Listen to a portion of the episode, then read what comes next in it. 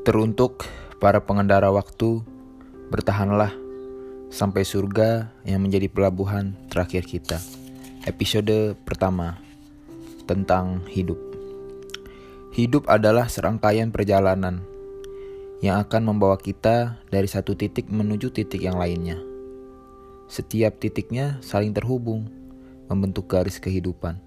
Bermula dari kelahiran, berujung pada kematian. Di antaranya ada senyum dan air mata.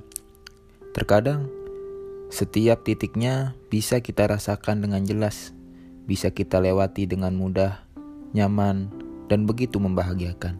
Bahkan, rasanya kita tak mau lagi beranjak dari posisi itu. Hanya saja, di lain waktu, titik-titik itu menjadi buram, membuat kita seperti tak tahu sedang berpijak di mana. Akan melangkah ke mana, bingung, resah, takut, hampir menyerah. Beginilah kehidupan berjalan di antara kenyamanan. Masa-masa sulit itu pasti akan datang. Menerobos tanpa bertanya kita siap atau tidak, tak hanya satu kali, bahkan bisa jadi terus berulang dalam berbagai bentuk yang menguncangkan perasaan. Seperti impian, harapan, dan keinginan yang tak menemui kenyataan, serta yang paling menguras adalah ketika kita sampai pada kisah cinta yang harus mengalah pada takdir sang pemilik semesta. Tak jodoh, ucap ketika kita sambil menyeka air mata. Tuhan tidak adil adalah kalimat yang mungkin paling sering kita utarakan. Seperti kitalah manusia yang paling dirugikan di dunia ini. Seperti kita sendiri yang hidup dalam kesakitan ini.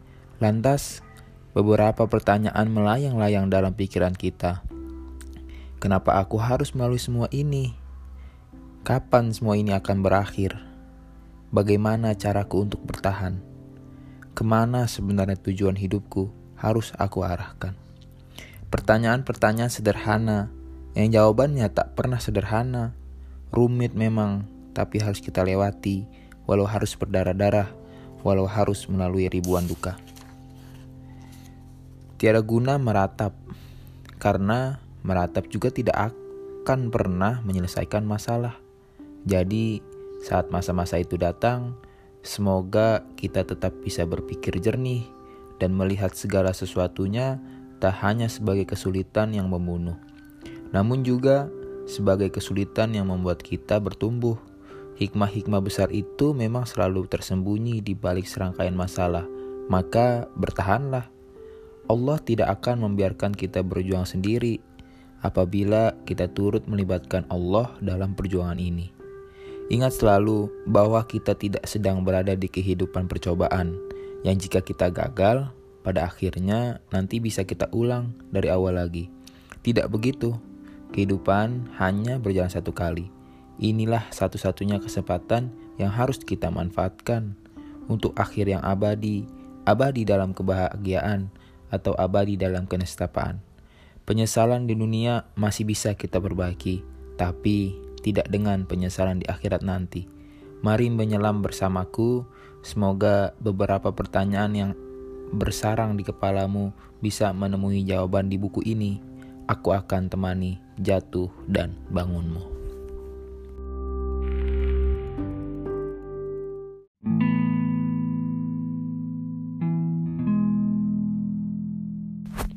Judul kedua, Aku Hanya Ingin Bahagia. Hari itu di kolong langit saat kehidupan bagimu sedang sulit. Pipimu basah bukan karena hujan, tapi karena air mata. Kamu tertunduk lesu di keramaian yang bagimu sepi. Seberapapun kerasnya kamu berjuang, tetap saja kehidupan selalu memukulmu mundur. Gagal seolah nasib yang tak bisa kamu ubah. Orang-orang sudah memiliki pekerjaan tetap, menjadi pengusaha sukses di usia muda, memiliki ribuan outlet beromset miliar, tinggal di rumah mewah, menikah dengan orang yang paling dicinta. Dan kamu masih terseok, tak tahu arah, hanya bisa berangan-angan. Kapan ya hidupku sebahagia mereka? Padahal kehidupan ini berjalan seimbang. Selalu ada duka di antara bahagia Selalu ada sulit di antara kemudahan, malam bergulir, cuaca berganti, roda terus berputar. Semua itu adalah keadaan-keadaan yang terjadi di luar kendali kita sebagai seorang manusia. Hanya karena mereka terlihat sukses sesuai standar media, bukan berarti mereka benar-benar sukses dan selain dari mereka adalah orang-orang gagal. Tentu tidak begitu. Kesuksesan bukan hanya selalu tentang pencapaian besar, malah hal-hal kecil dan sederhana yang sering luput dari tepuk tangan manusia justru punya posisi penting dalam laju kehidupan. Karena sejatinya yang kita kejar bukan hanya besar, tapi juga kebermanfaatan. Tanpa jeripayah petani di dusun pedalaman, mungkin kita tak akan bisa merasakan makan. Tanpa sapuan petugas kebersihan, mungkin gunung-gunung sampah telah memenuhi jalanan dunia ini begitu luas.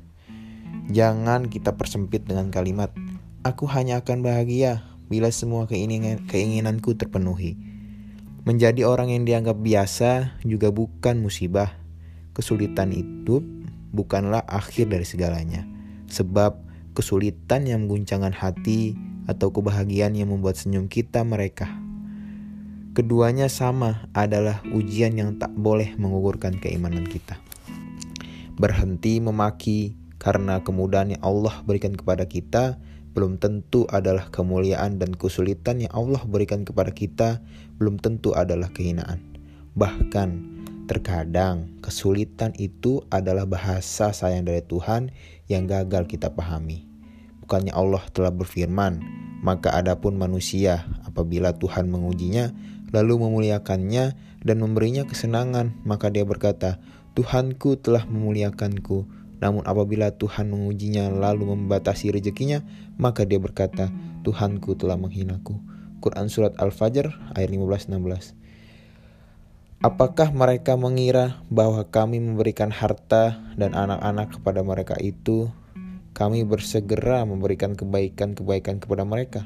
Tidak, tetapi mereka tidak menyadarinya. Quran Surat Al-Mu'minun ayat 55 dan 56 Maka kuucapkan selamat datang di kehidupan sebuah dunia yang tak bisa kamu kendalikan. Beberapa keinginanmu pasti dipukul mundur, bukan karena pemilik dunia ini kejam, tapi karena dia tahu mana yang akan menyelamatkanmu dan mana yang akan menghancurkanmu. Katakanlah pada dirimu ketika melalui kesulitan ini, Allah ingin kuatkan pundakku.